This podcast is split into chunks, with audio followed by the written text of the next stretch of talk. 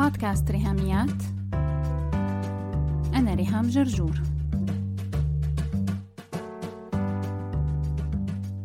مرحبا.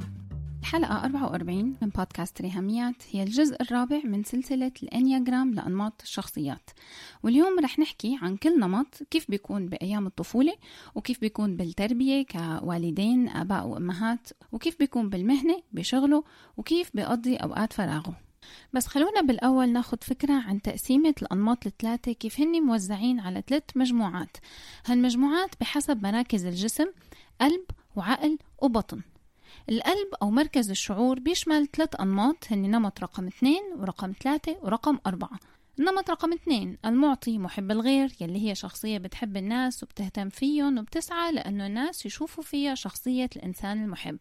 النمط رقم ثلاثة المنجز المكافح يلي هي شخصية بتحب أنه الناس تشوفها بأفضل صورة وفقا للمعايير الاجتماعية المعترف عليها. النمط رقم أربعة المتفرد أو الرومانسي يلي هي شخصية بتحتاج للتعبير عن نفسها بيكون عندها حس فني عالي وبتحب أنه التانيين يشوفوها مميزة.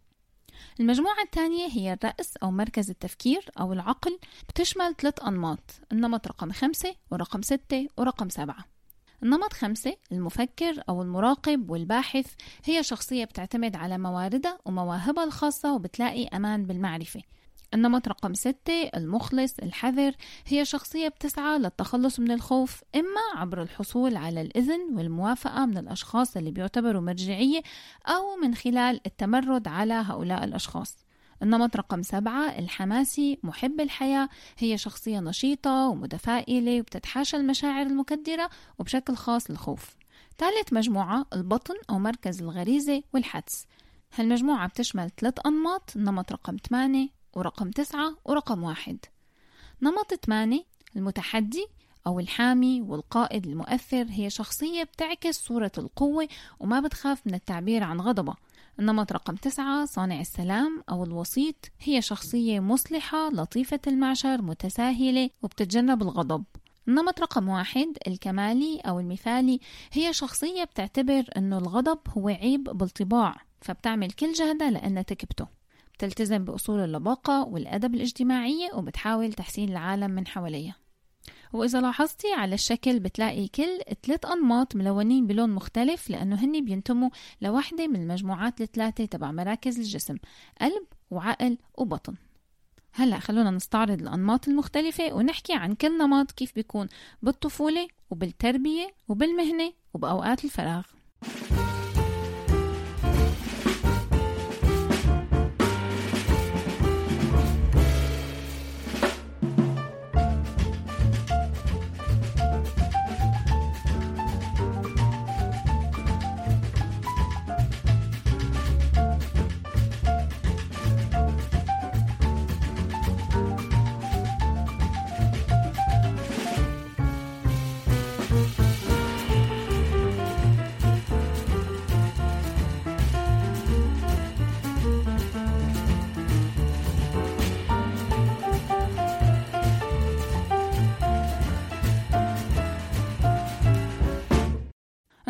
رقم واحد الكمالي.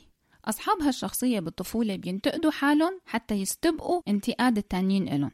غالبا بقرروا إنه ما يعملوا أمور معينة تحسبا إنه ما يقدروا يكملوها ويعملوها بشكل كويس. كأطفال بيسعوا دايما إنهم يكونوا على مستوى توقعات أهلهم وأساتذتهم وعندهم حس مسؤولية عالي وكمان القدرة إنهم يعملوا أمور هي عادة بتكون من واجب الأهل. غالبا بيكبتوا مشاعرهم وانفعالاتهم السلبية لأنه الأطفال المؤدبين ما بيغضبوا ما هيك؟ كأهل بيعلموا أولادهم حس المسؤولية ومبادئ أخلاقية متينة وراسخة.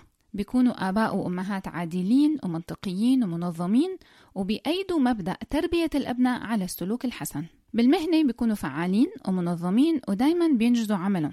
أصحاب النمط رقم واحد يلي ميالين للتحليل والصلابة بتلاقيهم بمهن مثل التجارة والعلوم وتطبيق القانون.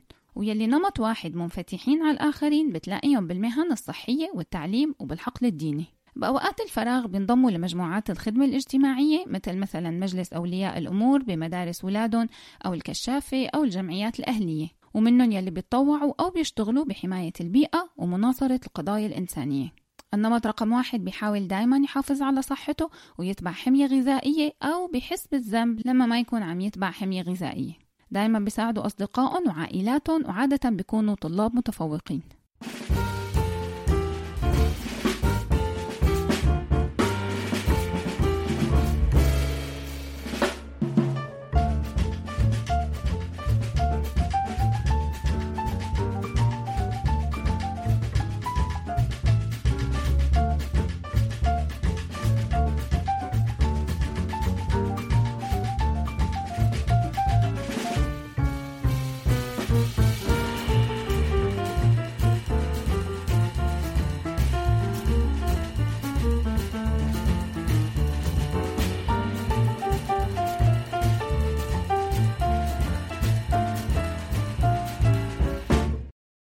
رقم اثنين المعطي.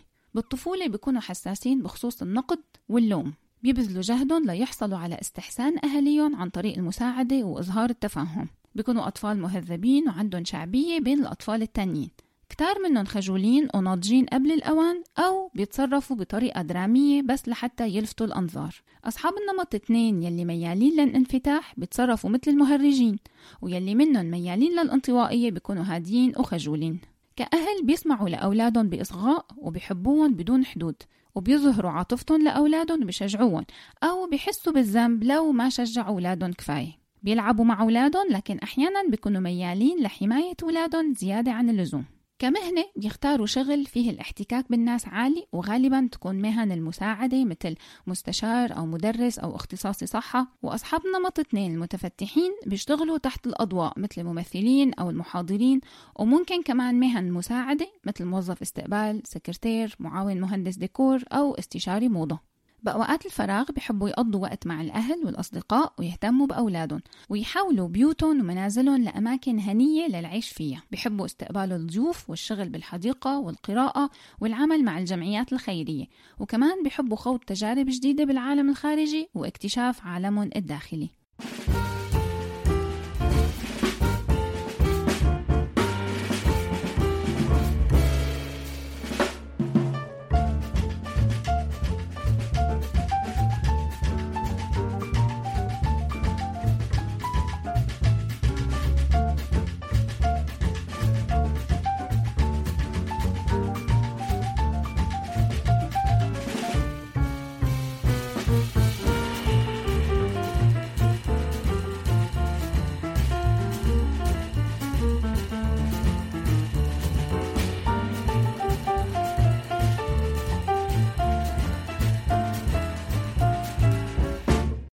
النمط رقم ثلاثة المنجز. بالطفولة بيجتهدوا حتى يحصلوا على المديح والإطراء على يلي عملوه. بينالوا تقدير باقي الأطفال وكمان تقدير الكبار. بيكونوا أطفال مجتهدين أكثر من غيرهم وبيتحملوا المسؤولية بالمدرسة وبيسجلوا بنشاطات مثل النوادي أو بيعملوا مشاريع على قدهم. كأهل بيكونوا جديرين بالثقة ومنطقيين وأوفياء. دايما محتارين بين خيارات أنه يقضوا وقت مع أولادهم وبين رغبتهم بالشغل والإنجاز أكثر وأكثر. بيحطوا على أولادهم توقعات ليكون عندهم إحساس عالي بالمسؤولية والتنظيم. بالمهنة بيشتغلوا بجد واجتهاد وحزم وبيتمسكوا بأهدافهم وغالبا بيكونوا بمناصب مسؤولة كمدراء بمجالات البزنس أو القانون أو البنوك أو المعلوماتية أو السياسة. منشوفهم دايما تحت الأضواء مثل مقدمي البرامج ويلي فيهم ميالين للمساعدة بيشتغلوا كمان بمجال التعليم والصحة والخدمة الاجتماعية. بأوقات الفراغ إذا كان عندهم أوقات فراغ بيحبوا العلاقات الاجتماعية أو العمل التطوعي بالحملات السياسية والجمعيات الخيرية ومنهم يلي بخصص وقت فراغه للهوايات والمشاريع الخاصة وأغلبهم بيحب ممارسة الرياضة وبيهتم برشاقته.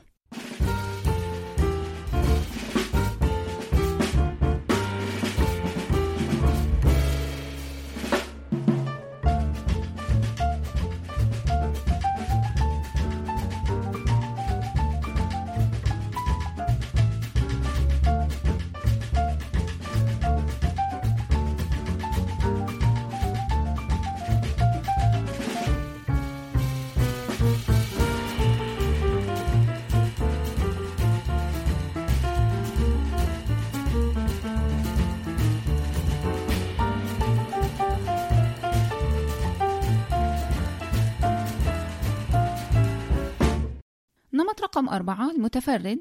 بالطفولة بيكون خيالهم واسع وبيلعبوا بطريقة إبداعية وبيبتكروا ألعاب مميزة وجديدة لأصدقائهم. معظمهم حساسين وبيحسوا إنهم بالمكان الغلط ودايما حاسين إنه ناقصهم شيء من يلي موجود عند الناس. غالبا كأطفال بيتعلقوا بمدرسين أو فنانين أو أبطال رياضة وبيخلوهم مثلا الأعلى. بيعاندوا أهلهم أو بيثوروا لما بيتعرضوا للانتقاد أو لسوء الفهم. كتير بحسوا بالوحدة والهجر في حال حصل وفاة أو طلاق بالعيلة. كأهل بيساعدوا أولادهم يظهروا شخصيتهم الحقيقية بيشجعوا أولادهم على الإبداع والتفرد وبيعرفوا يخلوا أولادهم يكتشفوا مشاعرهم. بس أحيانا بيبالغوا بانتقادهم أو بحمايتهم لكن هن عموما شاطرين بالتعامل مع الأطفال. بالمهنة بيقدروا يقدموا إلهام للناس ويأثروا فيهم ويقنعوهم عن طريق الفنون مثل الموسيقى والرقص والفنون الجميلة وكمان الكلام المكتوب أو الخطابي شعر قصص صحافة. كتار منهم بيساعدوا غيرهم يظهروا أفضل ما عندهم من طاقات فبيشتغلوا بمهن مثل الأطباء النفسيين أو المستشارين. بتلاقي ناس منهم عندها شركاتها الخاصة وبيفتخروا فيها وغالبا بيرضوا بعمل بسيط لحتى يقدروا يتفرغوا للإبداع. بأوقات الفراغ بحب صاحب النمط أربعة تمضية الوقت مع شريك الحياة والأولاد وتحسين علاقته بأصدقائه المقربين. بيحب الطبيعة وبيهتم بالأمور الروحانية وبيحضر عروض موسيقية وفنية وأدبية. بيزور المكتبات والأسواق ليلاقي تحف غريبة وكتب نادرة وتياب مميزة. هن مبدعين كتير ومنهم نشطاء بالحركات السلمية أو السياسية.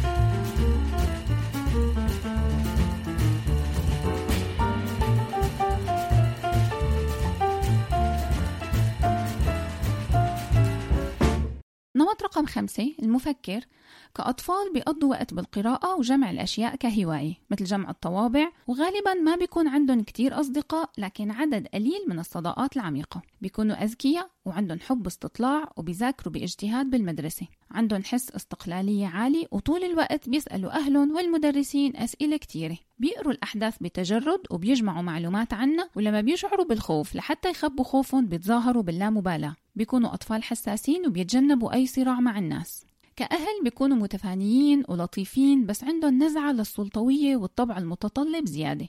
بيفرضوا أحيانا على أولادهم أداء فكري أكبر من طاقة سن الطفل. وممكن يكونوا غير متساهلين مع أولادهم لما بيلاقوا الأولاد عم يعبروا عن انفعالات حادة. بالمهنة بيكونوا مميزين بمجالات العلوم أو المجالات التقنية اللي بتتطلب قدرات فكرية عالية. عندهم قدرة على التحليل وفعالين بحل المشاكل. بفضلوا يشتغلوا على انفراد وعندهم تفكير حر. أصحاب النمط خمسة لو مالوا لجناح أربعة بتلاقيهم بمهن مثل المستشار أو الموسيقي أو الكاتب أو الفنان. بأوقات الفراغ بيحبوا المطالعة والتبحر باكتشاف أمور معينة وبيستمتعوا بالنقاشات مع الأصدقاء وحضور حفلات موسيقية وزيارة المتاحف والمشاركة بمؤتمرات وألعاب التحدي الفكري. بيحبوا السفر حتى يتعرفوا على ثقافات الشعوب التانية وتقاليدهم. حابين تسمعوا حلقات بودكاست ريهاميات بدون إنترنت؟ بمجرد معكم موبايل وسماعات؟ وين ما كنتوا سواء بالبيت أو سايقين أو رايحين على الجامعة على الشغل راكبين مواصلات أو بالجيم أو عم تعملوا أي شيء تاني.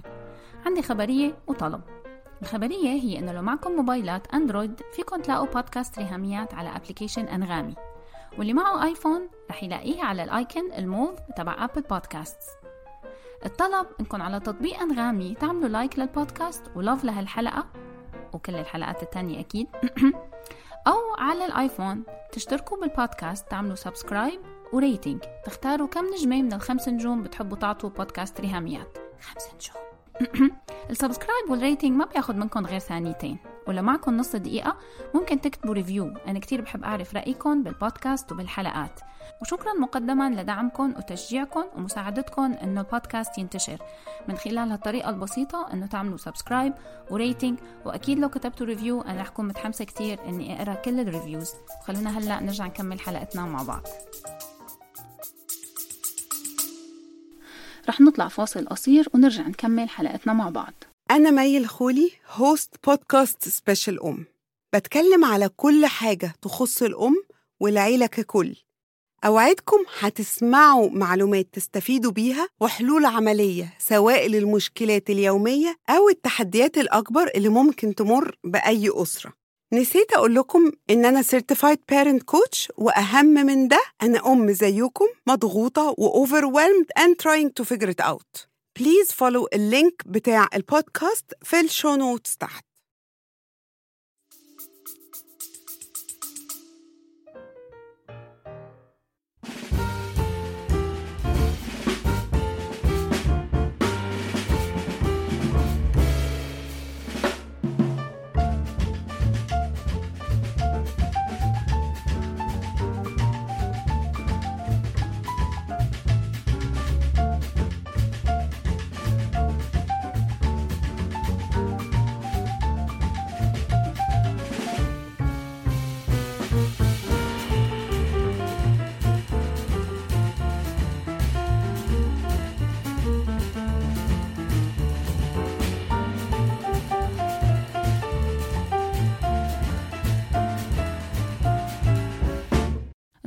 ستة المخلص كأطفال بيكونوا ودودين وجديرين بالثقة أو عنيدين ومتسلطين أو بيكونوا خليط من كل هالصفات سوا. بيحسوا بالقلق وعندهم يقظة مبالغ فيها لاستباق الخطر. غالبا بيتحالفوا مع صديق مفضل أو أحد الوالدين لمواجهة فريق تاني. فريقنا ضد فريقهم. يا أما بيدوروا على جماعة أو سلطة تحميهم أو بيشككوا بالسلطة وبيتمردوا ضدها. في منهم كتير عائلاتهم غريبة الأطوار أو فيها مشاكل مثل الإدمان أو القلق المرضي. كأهل بيحبوا أولادهم كتير وبيهتموا فيهم وحريصين على إتمام كل واجباتهم تجاه أولادهم.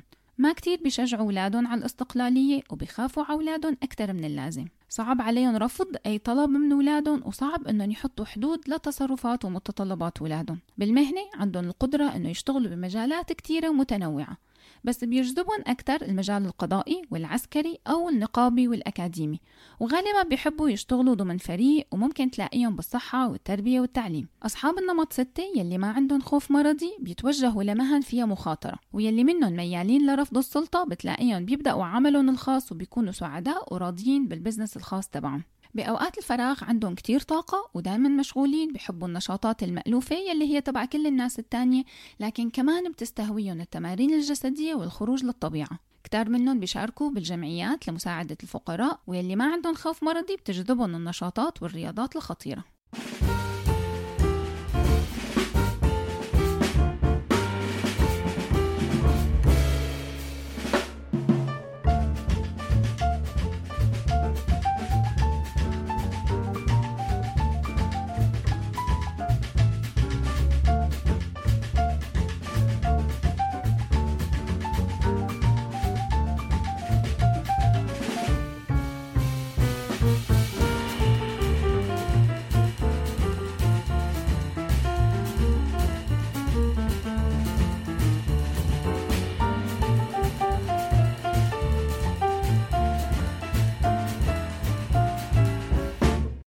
النمط رقم سبعة الحماسي.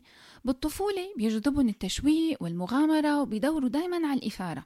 بفضلوا إنه يكونوا مع أطفال تانيين وما يبقوا لحالهم. بيقدروا يكسبوا ود الكبار بذكاء وبلطف وغالبا بيحلموا بالحرية يلي رح يحصلوا عليها لما هن نفسهم يصيروا كبار. كأهل بيكونوا أذكياء وحيويين ومتحمسين وبيحبوا إن أولادهم يعيشوا مغامرات كتير. أحيانا بيكونوا متاخدين ومشغولين بنشاطاتهم الخاصة فما بيقدموا لأولادهم الرعاية المطلوبة. بالمهنة بينجح معظمهم إنه يشتغل عدة وظائف بنفس الوقت. ميالين للمهن يلي فيها سفر مثل كابتن طيار أو مصور وبيحبوا استخدام المعدات والآلات والشغل برا المكتب. بعضهم بفضل يقوم بدور حل المشاكل والإصلاح فبيشتغل فعلا متعهد أو ميكانيكي تصليح. نادرا ما بنشوف منهم حدا بيشتغل وظيفة روتينية مثل المحاسب مثلا أو الموظف لأنه بيحبوا التحديات وهن سريعي البديهة بالمواقف الطارئة. بأوقات الفراغ بيحبوا السفر والرياضات الخطيرة مثل الهبوط بالباراشوت وتسلق الجبال بفضلوا الأحاديث الشيقة والمرحة بالعلاقات الاجتماعية وإنهم يتعلموا أشياء جديدة ويعملوا رياضة أو يبدأوا مشروع ممتع. بيحبوا يجربوا أكلات جديدة أو يروحوا على السينما والمسرح والأوبرا وعكتر ما بيشاركوا بمشاريع متنوعة بتكون كتيرة وما بتنعد. كتير كتير كتيرة.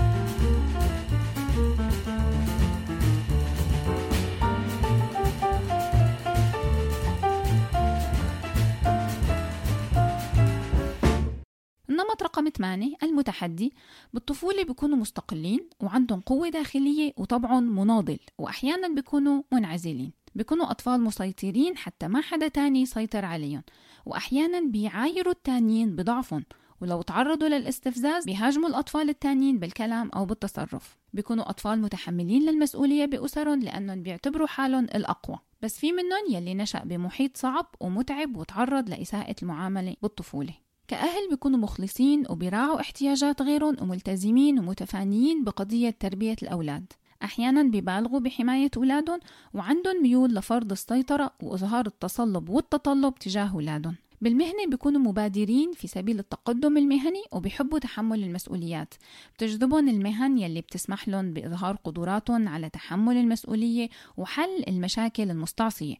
ولأنهم بفضلوا الاحتفاظ بحريتهم ليكون عندهم خياراتهم الخاصة فغالبا بيشتغلوا مهن حرة وعندهم احتياج ملح للشعور بالأمان المادي. كتير منهم بيشتغلوا مثلا متعهد أو مقاولين أو مدراء بزنس أو رجال قانون أو قادة عسكريين أو شخصيات مشهورة بالرياضة. ومنلاقي كمان منهم ناس بمهن المساعدة مثل التعليم والصحة. بأوقات الفراغ بيحبوا التحديات الفكرية أو الجسدية وبيشاركوا بحملات النضال للقضايا المهمة. بيحبوا الهواء الطلق وعندهم حيوية ونشاط عالي.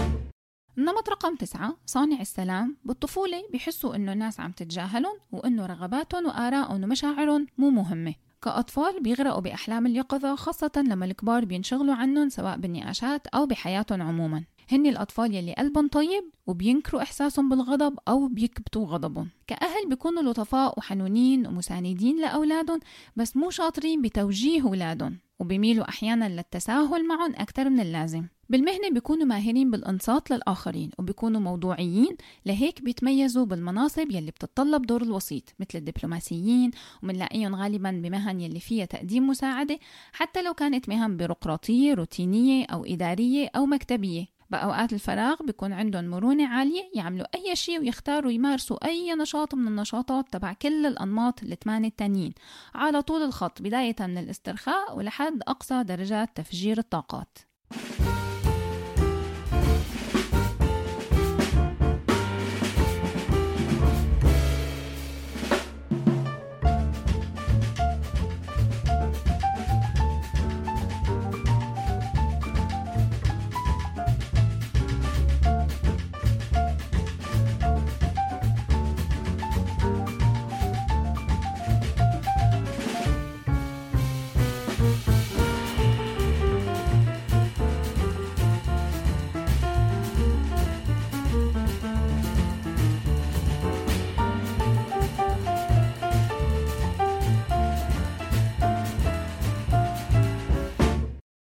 بنكون عرفنا كل واحد شو مواصفات النمط تبعه وبيميل لأي جناح من الأجنحة اللي عند كل نمط وكيف بيتصرف تحت تأثير الضغط النفسي أو لما يكون عم يتمتع بصحة نفسية عالية. كمان شفنا المجموعات الثلاثة الموزعين عليها الأنماط التسعة واستعرضنا شكل الشخصية وسلوكيات كل نمط بالطفولة وبالتربية وبالمهنة وبأوقات الفراغ.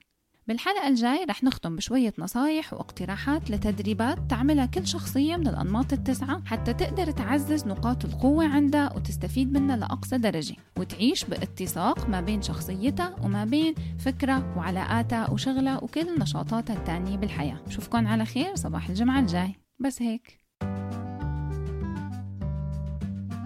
لو عجبتكم الحلقة لا تنسوا تشاركوها على ال social media حتى ناس تانية كمان تستفيد. فيكم تتواصلوا معي كمان على الإيميل ريهاميات r i h a m i a t at gmail.com أو على الواتساب تبعتوا message على الرقم 0 20 12 12 2 70 74 4 ولا تنسوا على الفيسبوك تتابعوا هاشتاج ريهاميات. سلامات.